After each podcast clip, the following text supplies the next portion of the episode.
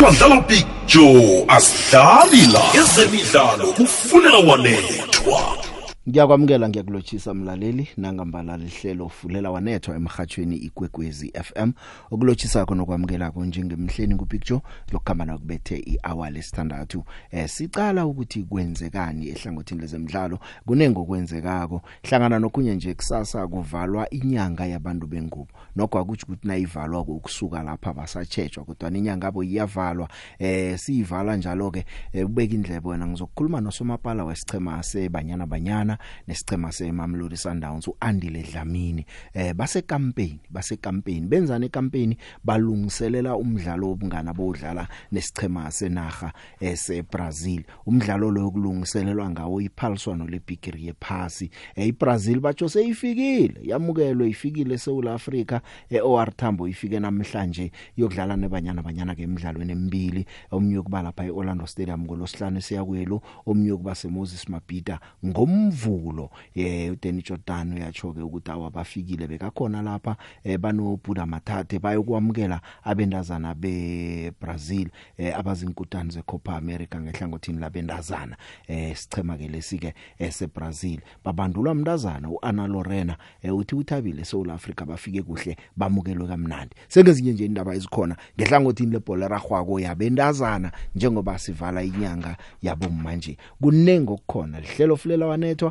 hlala namona njengemhlena uzuzisola njengiyakhama ngokuthengisa ngiyabuya. Zibuthelelwe zonke ehlelweni lezemidlalo ifulela wanethwa nobi come again fulela wanethwa ophethe iphiko lezokuthindana lapha isicemeni seOrlando Pirates uthandi wakwaMirafe usasekhona? Ngisasekhona ngisasekhona sorry i-tv iqeda ukufika khona manje so just greeting the players. Um uh, yeah so it's, uh, hey! Eish, sorry sorry sorry man ngiyaqolisa benzani abadlali aba benzani? What is happening? For the Pirates? I'm very tired for the always these people. it's not always easy all i can ask for from our supporters here to which is even us people that are working there because i work for Pirates but I'm, i also support the club and the management here to everyone is working towards a successful orlando pirates a winning orlando pirates which we are continuously working towards getting the silverware layer i understand the frustration especially when we're not winning but um, we win m28 recently so it's not all a complete loss Pirates is not. Ezemidlalo kufunela wanethwa. Siyakhamba ke mlaleli esithoma ngazo eh ngezinga simnandi ezike zokubhubha kwabagijimi bebagijima iComrades Marathon. Eh namhlanje ke baqinisekisile ke iComrades Marathon Association eh ukuthi umzame emthembu eh batsho wayatha lapha ePound ePine Town eh wathathwa wasiwa lapha eWestville eh wafika wabhubhela khona ke izolo besisakhulume ngaye yedwa umswa kwamthembu. Kuvele ke nje ukuthi eh nophakamisa ntshiza eh batsho yena ke nase nje baya ku halfway mark lapha eDromont eh batsho ucollapse lapho ke awa yena ke ubhubhe angakathathwa siwe nesibedlela into engasimnandi ke Comrades Marathon eh manje ke udohotere we Comrades Marathon uJeremy Butler eh uthi kubhlungu akukabe ukutholakala kuhle ukuthi unobangela yini. Kodwa na icardiac arrest ngiyaba isola ukuthi ihliziyo yomuntu isijame nje khonokho eh abakhamba ekubuyise emkhulu. Uthi ngase kucalwe lokho kodwa na kwanje akunanto esemthethweni abayiphetheka abangatsho bayikhombe bathi ngilokhu okwenze ukuthi abantu babhubhe. Uyatsho ke ukuthi isichema sabadohotere beComrades Marathon eh nehlangano yonke bayalinga nje ukuthi nakuhamba kuvela izehlekalo ezinjengalezi bafunde kizo ukubona ukuthi ngeze bethatha amagadango engenza angenza ukuthi kukhandeleke eh, ukubhubha kwabagijimi ngokuzako na nangu udohotere uJeremy Butler It's pure speculation as to the actual cause of death. Just based on probability, it was probably a cardiac event to cause a, a sudden collapse and death like that. We don't know for certain. I can't say for certain what the actual cause of death was. Deaths on comrades don't occur all that often. It's always tragic when they do. It's something which we deal with at the time and we try to learn each time. It helps us to plan and it helps us to advise for the future to try and reduce the possibility. Nguye ke uDohotere eh badanile iSouth Africa idanile. Uphupa komlo yedwa mani kuyinto ebhlungu khulu. Nase bababili eh kuyabuyeleleka kwanga into njengale ingahlale ingasenzeki. Kodwa ke uzokusola abani eh ngoba ke eh abantu bebagijima kwenzeka lokho kwenzekako kanti ke okhunye okwenzekileko iComrades Marathon uzokhumbula ngaphambi kwaleli iphaliswano leli. Bathi ngaphambi kokugijima banehlelo lokuthi bahlole nje abantu medical checkups ukubona ukuthi umuntu kulungele ukuthi angayokungenela iphaliswano. Na? Izolo ke ebusuku sibonile. Kaizer Chiefs no Orlando Pirates awazikwazile ukuphephana ke kuma semifinals eh njengoba bekwenziwa idraw izolo ebusuku nje. Chiefs yokudlala namaZulu Orlando Pirates yokudlala neMamelodi Sundowns. Sisaza kutshelwa ke ukuthi ama date nengikhathi nama venue ukuthi kuyokudlalelwa phi konke lokho. Ngisese kweze MTN 80 eh iCEO ye Stellenbosch eh uRob Bernardi eh uthi eh bacho ke iPremier Soccer League bekungiyo eh, ecalelele zonke indaba eziphathelene nokuphepha emidlalweni wama quarter finals lapho badlala khona nesicema seKaizer Chiefs eDani Craven Stadium. Kuyalilwa ngalela tata olincancane khulu lincancane khulu eh neparking abantu balilile batsho bekuphakwa nendabeni nendaweni zabantu ama private property. Ngoba abantu bafuna ukubukela ibhola abantu bayilambele ibhola bekuyi sold out kweza abantu abadlulako abaphethe amathikiti umdlalo uriyadinga 30 minutes eh traffic nje kwayona iyodwa abalandeli bebafuna ukungena ngekani baphela ihliziyo eh ifence bayiphula bayeqanga phezulu eh nabangakaphatha amathikiti bangenile kulomdlalo lo. Eh nomdlalo ke kwathi ke eh nase uphela sababona godi Chiefs nayiceda ke ukuthumba umdlalo eh bangena ke nakhona kwahlangahlangana ngaphakathi. Bathi nabakhuluma konke beStellenbosch bathi umdlalo lo bo umkhulukhulu bayavuma. Umdlalo omkhulu abakhe baba nawo lapha eStellenbosch begodu nesichema seStellenbosch siyathoma thoma ukuzithola sidlala iMTN 8 eh kuvakatshe nesichema seKaizer Chiefs ke kwahlangahlangana ke bathi ke man bayancancabeza hle khulu kibo bonke abantu abathindekileko nabalandeli bebathenga amathikiti beze ngokuhle ebancancabezana kubomakhelwane ukuthi mani indawo eziseduze nestataweli bekuhlanga hlangana abantu bebholoke nje eh la endaweni yethu eh, abanye baphaka nendaweni ekungakamela ukuthi baphake kizo. Ngiyo leyo ke kanike eh, umbandulo wamabhokobhoko ke uninaba yena ke wenza amachuguluko esichemeni njengoba babechiwe ngempela veke nje. Eh ku starting lineup wenze lapha ke 9 changes kanti isichema sesoka amachuguluko wenzile kwa 15 eh ku match day 23 eh bayokudlala ke eh, umdlalo neAustralia ngomgcibelo lapha eSydney eh, eh, eh, uthina kakhuluma kongamachuguluko uyakuninaba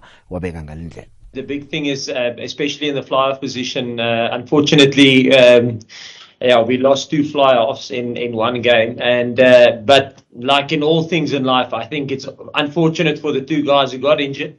Uh, but it's fortunate for, for Damien, you know, and uh, Damien has played for us uh, at fly-off um, uh, this year, the, the, the first Welsh um, test match uh, in Pretoria. He played the second half at 10. Uh, so it's yeah, quite looking forward to to see him there again and getting that combination between him and Willie.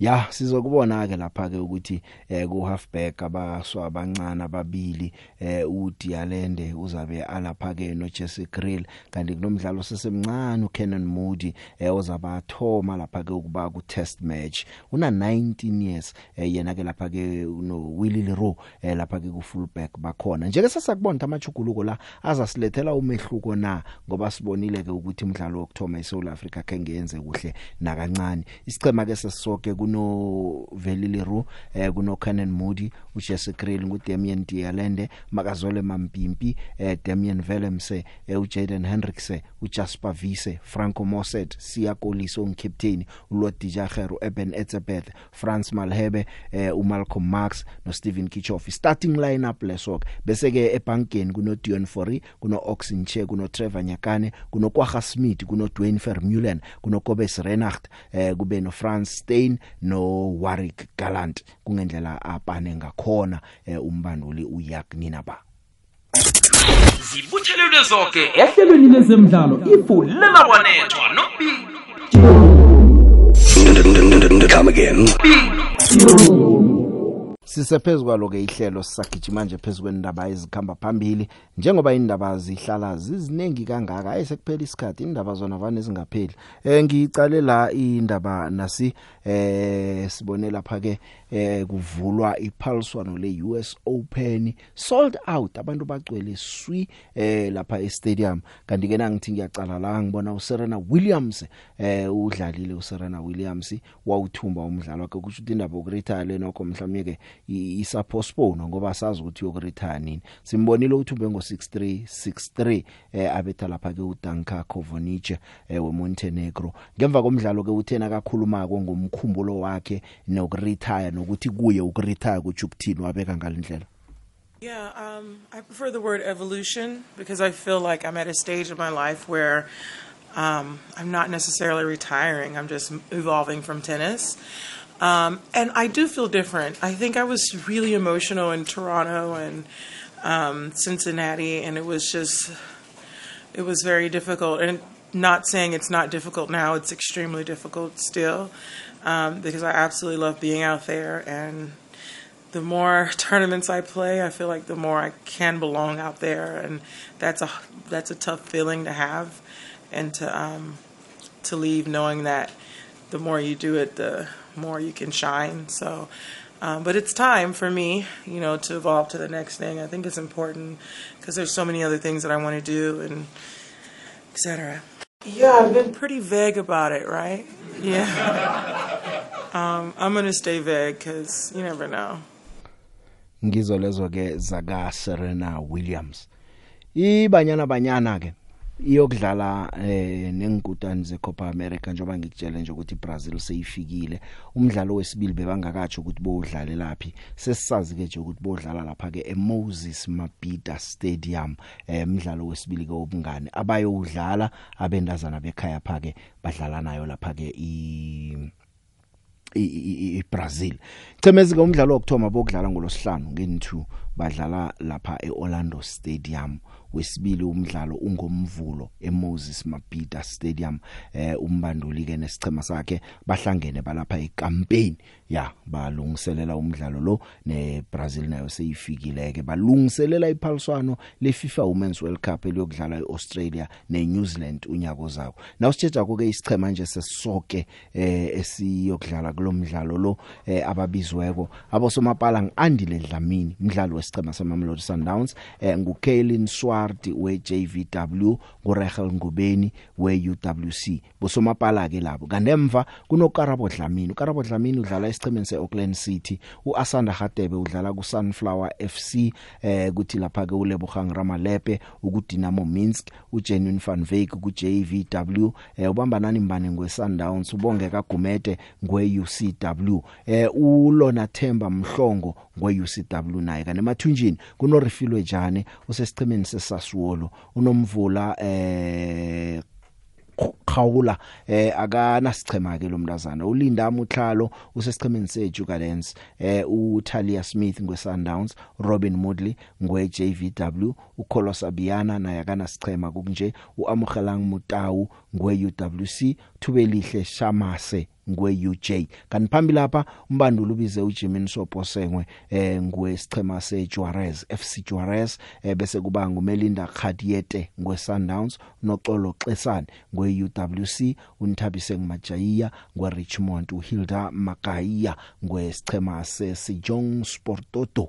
Ya Sportosto ya zingichema abanazana abadlala ngaphetsheya abaningi esichemeni sebanyana banyana bese kubene beSundowns nabo baningi eh, iJVW nayo nabendazana abaningi. Kuyadlalwa ke kulungiselelwa iBrazil. Sayibona ibafana bafana yadlala njani neBrazil ngomunye unyaka? Nje lithuba labendazana ukuthi badlale nabendazana beBrazil. Ngisesebholweni abendazana ke sekubonakala kunomkhanyo sekukhanya nje sikhanyiselwa ukuthi kufunekani ukuthi ingchema zibe nengichema zabendazana uzokhumbula ukuthi Kefite ifuna eh, ingchema zebhola ragwako zamadoda nazokudlala neclub licensing konke ziqualify ukudlala amaphaliswano woKF kumele kube banengichema zabendazana unobhala mazombe weKhosafa eh, usu the Storms. Thena kakhuluma konke eh, uthi bekune workshop basipay clarity kuyazwisiseka nje ukuthi kufunekani. Khumbule nje kune Khosafa Women's Championship ethoma kusasa eNelson Mandela Bay Stadium. Eh, uyatsho ke ukuthi umnqopho wabo njengekhefu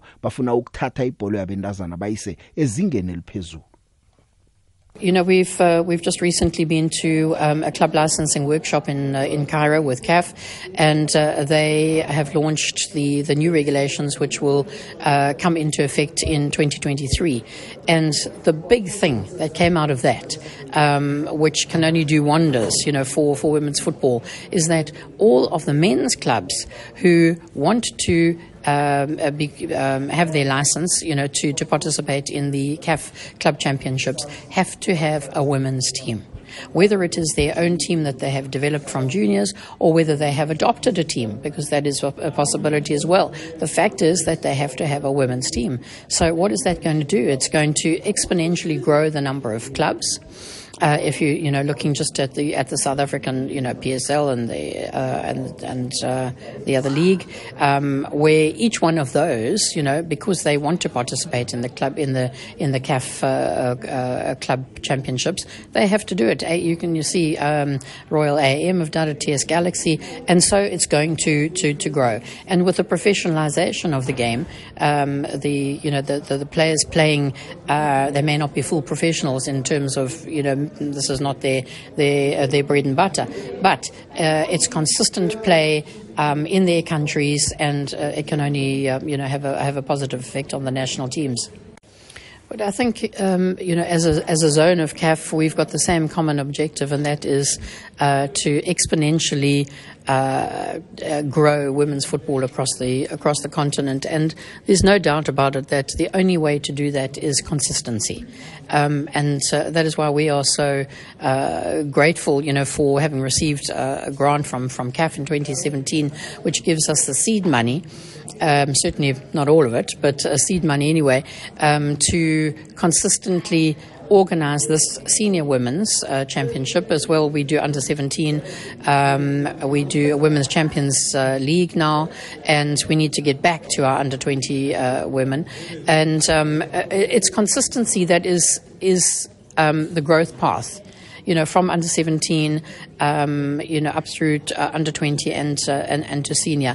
And it, it, has shown, you know, it has shown since, since 2017, doing it every single year, what can be achieved. Um, and the fact that we had three teams from, from this zone um, qualifying for the WAFCON, two qualifying for the World Cup, is just awesome. dlala dlala joe asidlali la ezemidlalo kufunela wanethwa zibuthelelwe zonke ehlelweni lezemidlalo ifulela wanethwa nobig come again.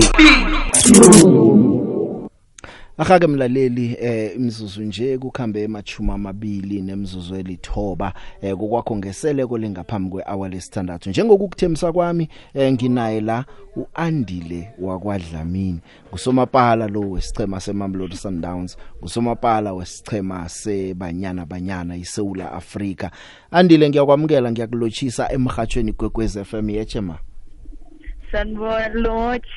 Kunjani Andi? Uvukile? Ah, uvukile, uvukile. Siyathokoza. Yeah? Somapala. Uyafunda ugoalkeeper ngesindebele ugoalkeeper ngisomapala andile. No God. Yeah, so uyazazi nje ukuthi ungisomapala ne? Eh sengiyazazi.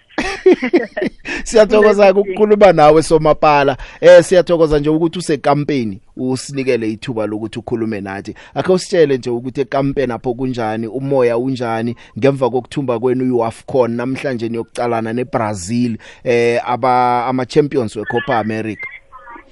Um icamp imnandi kakhulu. Uh sifila ngathi sibusisekile kakhulu eh sishintshe izinto eziningi the way abantu babona women's football ngakhona. Eh so kahlahle jabulile nje umoya umuhle kakhulu.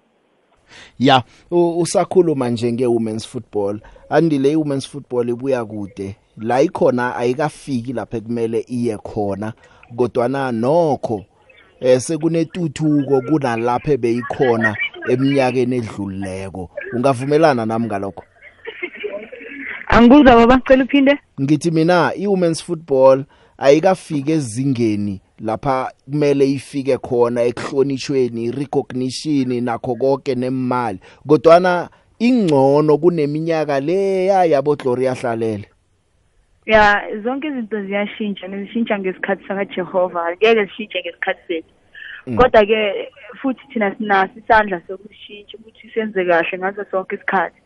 Ukuthi imisebenzi ikhona ukuyikhulumela eh nokuthi abantu bakhona ukuza bazosupporta. So mangithi abantu ngisho i-sponsors zize zizosupporta.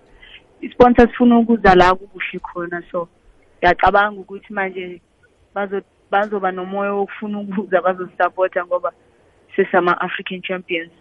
Eh futhi ngicabanga nokuthi support iphinde ize ngabantu abazayo bazosibukela estadium. Yibona abantu abayenza ukuthi i-sponsor futhi zifuna ukuza nazo ngoba i-sponsor zifuna uku-advertise la kunabantu abaningi khona.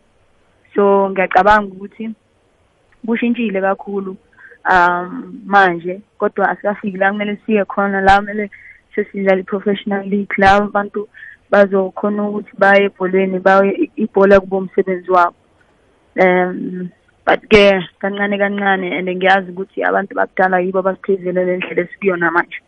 Bayiphendlile indlela ke ngize kuwe nje as a person. Eh umuntu ethembisa eh kulokishi nje likhona la eh wathoma ukudlala kade eh ngikhumbula udlala ku under 20 eh wabuya weza kubanyana banyana namhlanje udlala neMamelodi Sundowns. Ijourney yakho nje from la wathoma khona ukufika lapha ukhona namhlanje eh ungathini? Ungamtshela nomunye umuntu okhanuka ukuzibona afike kulezinga okilo nawe? Akukho lula kakhulu kodwa kudinga ukuthi umuntu abe nenhliziyo. Inhliziyo yalento ayenzayo um athathe izinto ezipositive rather than ezi-negative. Ngoba ngiyazi ukuthi kuzofika la izinto zingahambi the way wena ufuna zihambe ngakhona. Kodwa kumele ube nenhliziyo yokubekezela eh uphinde futhi usebenze kanzima. Ngisebenze kanzima ungasebenzi ne-team yakho kuphela. Phinde nawe support wena ngokwakho. Mawubona ngathi kunala weak khona usebenze aside beside your team. So ngiyacabanga ukuthi yinto engingabatshela yona leyo babekezele baqine emoyeni bahlezi ba-positive. Um futhi babhalanse-ke ngoba ungalimala nanoma yinini moyo athlete nje wamele ubhalanse elifini yakho kube nokunye okwenzayo besides ukudlala ibhola or besides ukugijima besides ngoba ungalimala nanoma yinini usakhuluma njalo wena ke ubalance ngani wena? Kuningi engibhalanse ngakho. So mina ngithuthukisa abantu basekhaya abantu basekasi kahle kahle. Nginebhizinisi lokwasha amateki ngigundinele eh so ngingu-business woman. Mm. and um ngi-KFC licensed coach. Mm. um yeah ngi-musician. Hawu so mm, akho Yeah. akho siculele bantu shayela nje amabhasi nyana ambalwa uvuma uthini? Andile nkosi yami. Please Hey, but no. abalaleli hawu plus singaphakathi ku-afternoon drive mhlawumbe ke la ungathola nje nawe sowubizwa kuthiwa isa sok interview asikhuluma nabavumi sikhulume no-andile dlamini um kusibethe ngamalayini nyana mbalwa lapho. Sengiyacabanga ke manje ukuthi ngiyacula yiphi ingoma. Oh nkosi yami. Ethandwa kuwe ethandwa ngi- yo zininzi ezithandwa ndimi um eh kwenzithini lenga eh siyathandana okay. Eh okay okay not that one. Kwenzithini le ngoma ka-amifakho oh nkosi yami. Uzoyikhumbula. Yeah, Uzoyikhumbula. yeah, Immediately- ngiyazama. immediately uyikhumbula. Ngiyasela, ithi ngiyasela. Eh ithi ngikhohliwe nkosi yami. Ah. kodwa uma ngiyikhumbula ngizokukhumbuza bese ngiyayicuna wayikhumbula ungikhumbuze si- sizoyicula namhlanje la ehlelweni. Andile phakathi kwezinto ozikhulumileko ngikuzwe ukhuluma ngokubekezela engicabanga ukuthi yinto onayo yokubekezela. Ngikhumbula umdlalo wakho wokuthoma ngo-2011 nakudlalwana ebutswana eh kulapho-ke wathoma khona-ke ukuba sesichemeni kodwana ngikhumbula bowunande nje uba ireserve abosomapala bothokozile emndaweni abo Roxanne Barker eh wena uloku uyireserve wabekezela. Eh ngo2012 ngiyakhumbula kwakhanjwa kwa UA London lapha ke kuma Olympics eh ukhona. Eh nango 2016 eRio wawukhona. Kodwa nabo ungadlali ngaso sonke leso sikhathi uloku ukhona nje ungisomapala kuletha ukubekezela. Ungathini ngaleso ngaleyo minyaka? Usemnyango ungakabe ukufika ekutheni eh uyi number 1 yebanyana banyana? Indaba mina ngi- ngesaba uJehova Mm. hlonipha uNkulunkulu so ngiyazi ukuthi eh isikhathi sami makasihlelile makathi sizofika sizofika. Ngiyathandaza ke ngibe ngithandaza ngaso sonke isikhathi ukuthi elami ithuba lifike kodwa ngesikhathi sakhe hayi ngesami. Mhm. ngiyazi ukuthi uma umdlali uyafuna ukudlala ngaso sonke isikhathi but sometimes uNkulunkulu unesikhathi sakho sokubeka nesikhathi sakho sokukususa and-ke um be- bengekho lula lo jeni kodwa bekuyijeni yokuthi ngiduduzela laba abadlalayo hlezi futhi ngiqinile ngiqinile em- emoyeni ngiqinele mina ukuthi ngingaphuki umoya futhi nginga-give up. So i think leyo jeni leyo yiyona engifundisile ukuthi ngibe lo muntu engiyena namhlanje. Ngiyababonga bonke abantu engisebenze nabo abothokozile emndaweni um abo-roxan barker.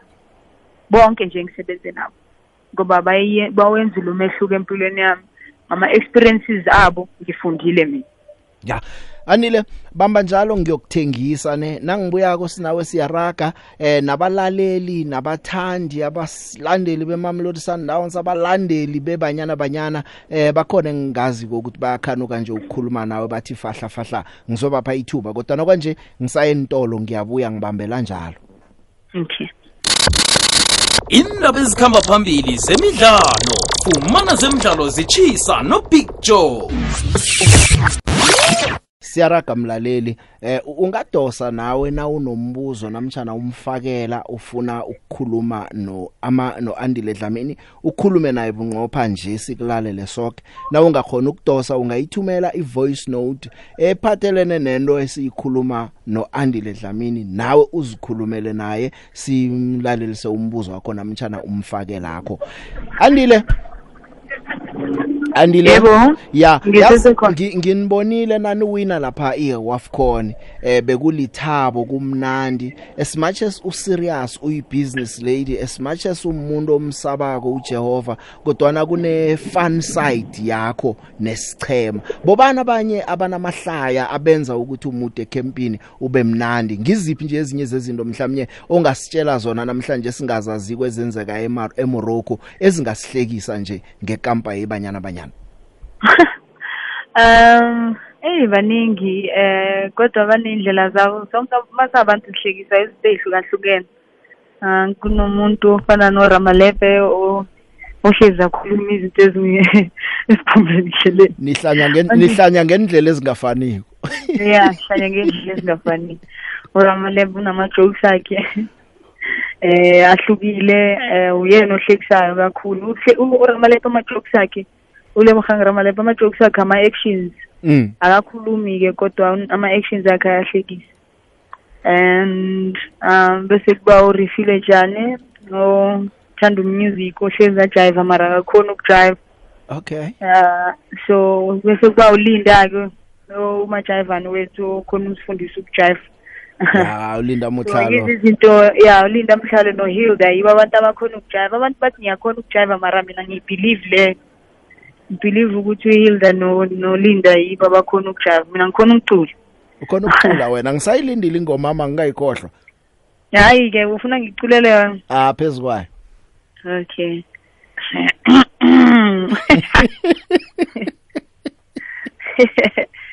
Eh sithi phakatela ngakuphilile nawe na kunini ngikhumbule.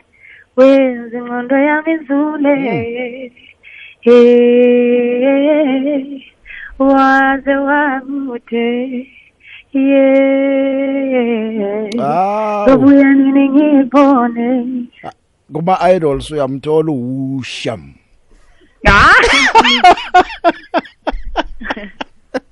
ake sizweke i nickname yakho ngusticks usticks ubuyaphi kanti? Um ngawuphiwa u-amanda nothokozile mndaweni nophosha mlisi. Mm. Ngenxa yenhloko yami nomzimba wami omncane ngaleso sikhathi sakudala. Ngamanje sengishintshile manje. Ah manje ngiyakubona ukuthi sewudla izambana likapondo nje. Ba- ab- Yeah. abasa- abasamboni usticks la kuwe. Hayi hayi and i was in between the sticks so that's why so liyahlangana nje bathi awu nekhanda elikhulu nomzimba omncane-ke lo ngathi kusomeyishisi anile nasenye indaba ngaphambi kokuthi ngikukhulumise nabalaleli momentum G Sport Awards kusasa ama votes ayavalwa ene nawe ungomunye wabakhethweko. Ungathi nje ukuzikhulumela nomlaleli eh, uzibawela ukuvotelwa ukusitshele nje nokuthi uzizwa njani ngokunominate kulama awards so nginominathiwe ku-telcom momentum women of the year.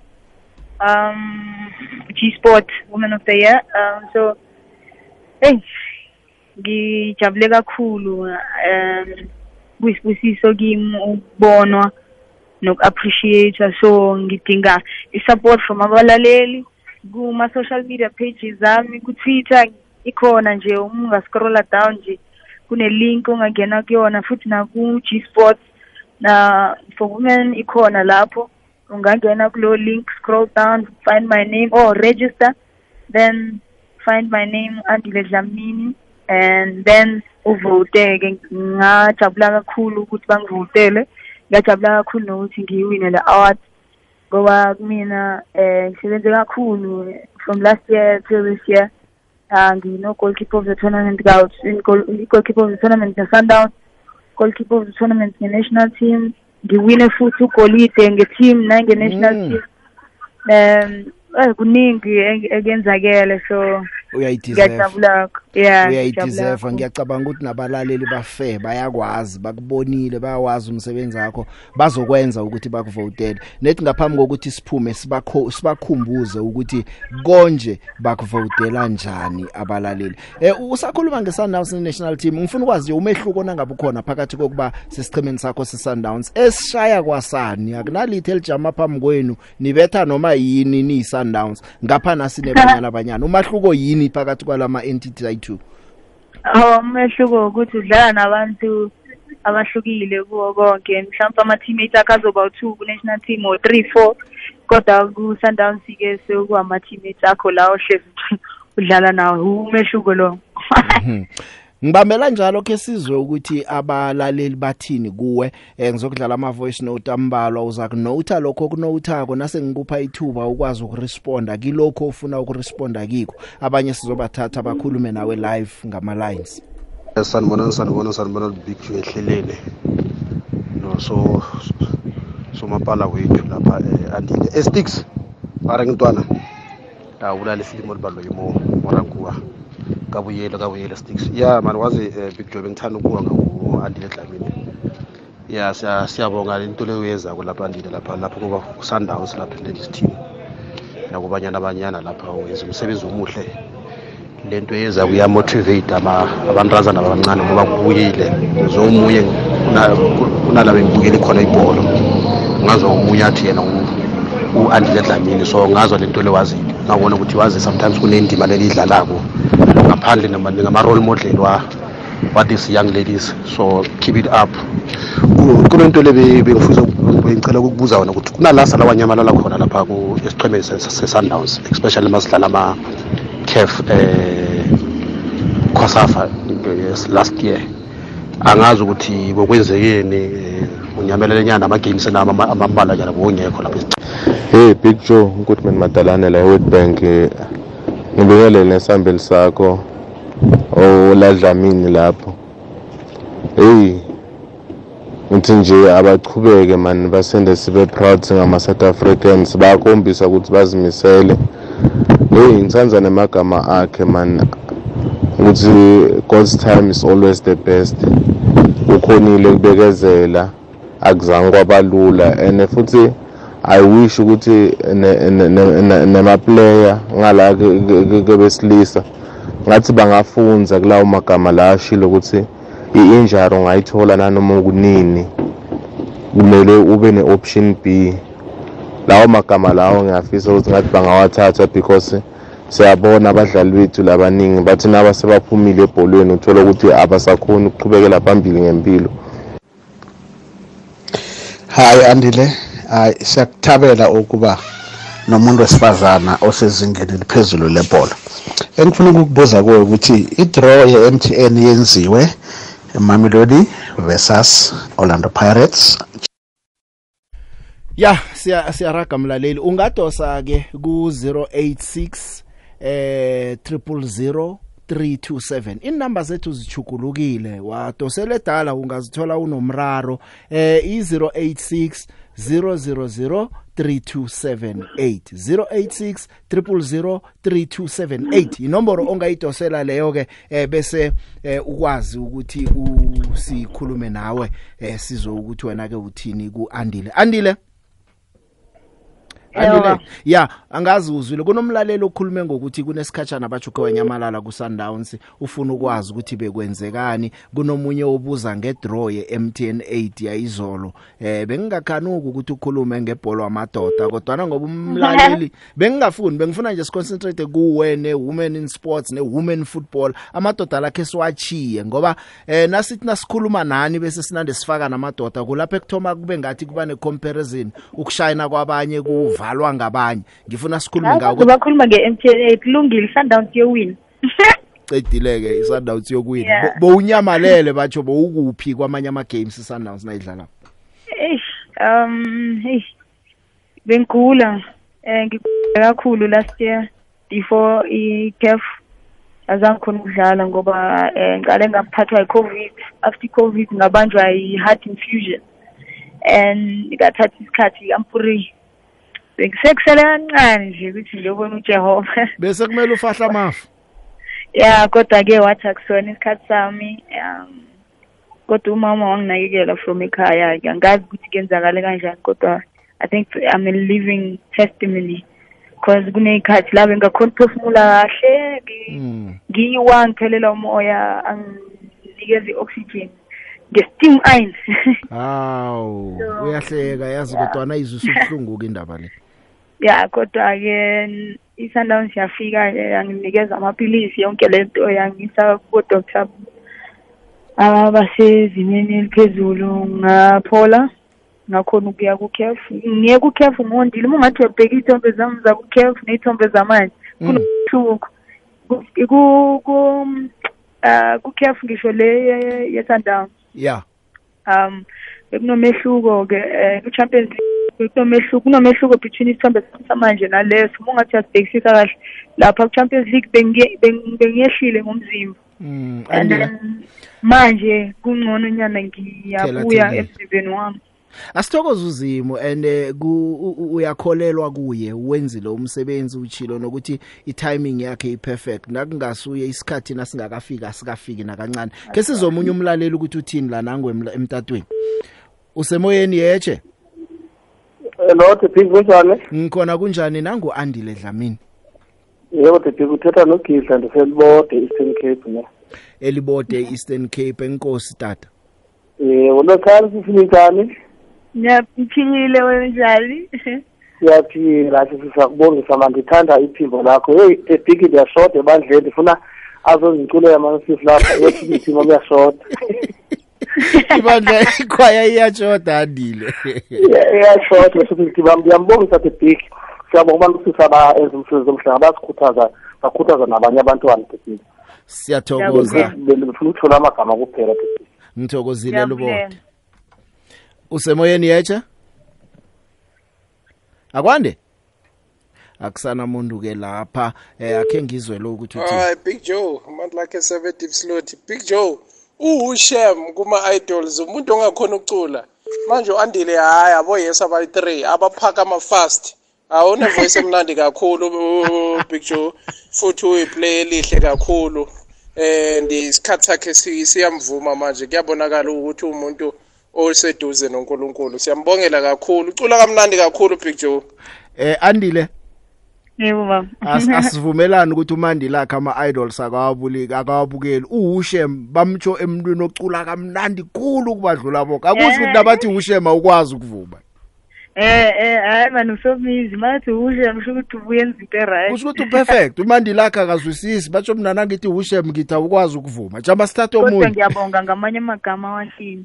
ya. Usemoyeni yeche nango andile yebo?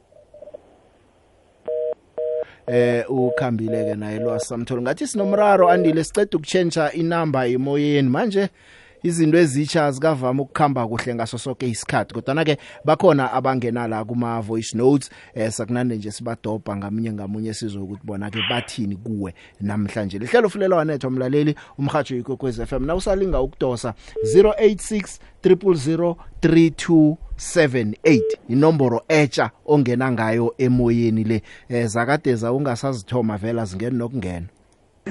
So that's why Sawubona msasazi. Eh cela ukubuza lapho kusisi. Eh uma umandlameni ukuthi ngabe usekhethile yini ukuthi ucula ngephakathi asikathathe sonke. Yabonga umuntu ofala bona. Secranscop makhabeni.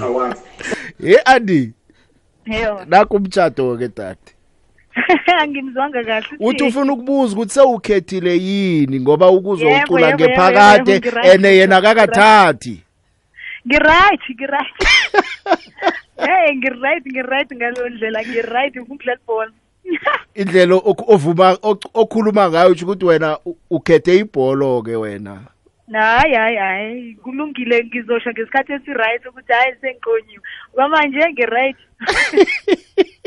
Sticks uthi ngapha no picture ke ngibuze la why emzansi amathimi eh wabogeli so abascars kangaka especially emathimini amankulu njenge Pirate Kaizer Chiefs.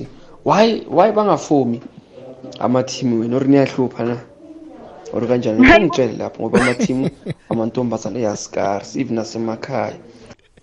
Batsho niyathwenya na? Amaklabhu komangana amathimba abantazana basaba ukuthi niyahlupha na?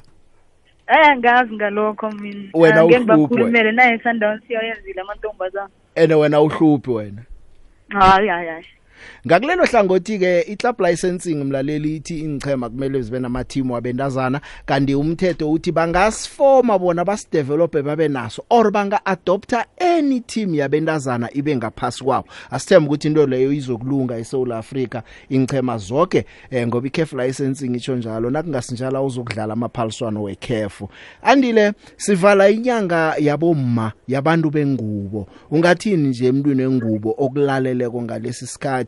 Eh nendima edlalwa babantu bengubo kezemidlalo Umkhulu kakhulu. Unamandla. Futhi wena odibanisa lomhlaba. Ayikho into esingayenza ngaphandle kwakho. Wathinta abafazi, wathinta imbokodo. Siyabonga ngokukhulisa mina, ngokukhulisa wonke umuntu osuccessful. Ngiyabonga ngoku Ngiyabonga ngokukhulisa wonke umuntu osuccessful. Khelen ngiyabonga ngokukhulisa wonke umuntu osuccessful ngiyabonga futhi ngo kuyenza umehluko emhlabeni ngokungagive up. Ngokuhlezi ufuna ukudla makungena kudla endlini. Umkhulu kakhulu hlezi ngikubonga. Happy women's month. And ngathi kungacontinue ke ukuthi umuntu osifazana celebrate ngaso sonke isikhathi. Kungabi inyanga lekuphela nami into engiyitshoko andile. Andile abantu banamabhudango okuyokudlala ngaphetsheya. Ngiyazi ukuthi ese goalkeeper kunzima kangangani. Ama teammates wakho abuya ngaphetsheya adlala ngaphetsheya. Ibhudango lakho lokudlala ngaphetsheya kusele kancane kangangani ukuthi uzima lenze lifezeke? Um kokuqala ngihalalisela labo abadlalayo ngaphesheya. Uh bayenza umsebenzi omuhle kakhulu babeka iSouth Africa eh phezulu. Yo ngihlezi ngijabula nje makubona badlala baperforma. Um mina ngiyazi ukuthi manje ngifocuse etimini yami eh engike kahle nayo isikhathi masifika sizofika kodwa kwamanje kwamele ngifocus focusela ukuthi ngisebenze kanzima ukuthi ngiyodlala iChampions League futhi eMorocco. Aha akhe sizwe nangumlaleli wokugcina sikuchapulule nawe campaign ni trainer sikhathi bani kanamhlanje afternoon? Ngo 6 ngo 6 jama ngikulise msinya. Khe sizwe lo ukuthi uthini bese uyakhamba? Big Joe ngicela ungibukisele lapho ku captain my captain. Eh Big Joe into engamtshela yona ukuthi badlala ibhola elihle eh badlala kamnandi khulu ene iBrazil cishe lafana nebholo lala ekhaya la. Ngendlela abazithemba ngakho bazithembe njalo bangathuka next. Angithembi ukuthi bangababetha ne bayobadla. Ngicela ningibambulani ngiyabathuka bangidlela iBrazil. Ngisikhakhazisa ukudlula ngabo. And nakungucesana akakalimali ngifuna ukuza ukuthi akekho injury na? That's my favorite player. Ungidlalela kamnandi. Kunama-passing amanye yazi engabe mhlawumbe ngiwathemba adlala babantu besilisa. Mara yena okhona udlala ibholo labasana nhle ngithi ngibeke njani? Dlala kamnandi uyamntazana ongikarakhulu ngimbukela busuku nemini. Thank you big joe. Sithokozile. Andile utshele ucesana ukuthi kunomuntu okarekileko kuye la eh, umlaleli wekwekwez FM anguzwa? Ngithi kuno baba nangotshoko ukuthi ucesane umkara khulu uyakuthokozisa Oh. nawe umdlulisele Ah, uyazi ngize- ngizendlulisa imessage. Uyakwazi uyakwazi ukukara umuntu favorite ukwenza player yakhe. uyazi ukuthi kwenzani ukukara umuntu? Ukudlala kahle ukuphasa amabhola amnandi. Yazi na na ukhuluma naye uthini? Uthi kunomlaleli wekwekwez FM othi uyamkara. Oh othi uyamchaza eh eh angikathi uyamcaza ngithi uthi uyamkara. Uthi uyamkara. Akho ibeke. Okay. kunomlaleli wekwekwez FM othi uyamkara. Noxolo bathi vul- kunomlaleli wekwekwezi othi uyamkara. Ahake ngithokozile Bathi ngitshele ukukhuluma lokho ngizoku-explainela ngithokozile ukukhuluma nawe eh usikarile siba abantu bomhajo ikwekwez FM nabalaleli bonke ni train kamnandi nizibandule kuhle iBrazil niyibethe. Siyabonga baba siyabonga kakhulu. Ngithokozile.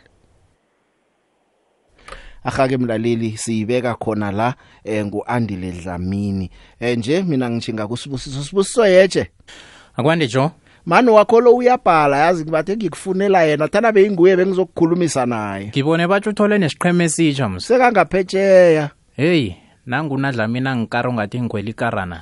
Nawe sewukarekile ne? Heyi wena. Maye. Badlala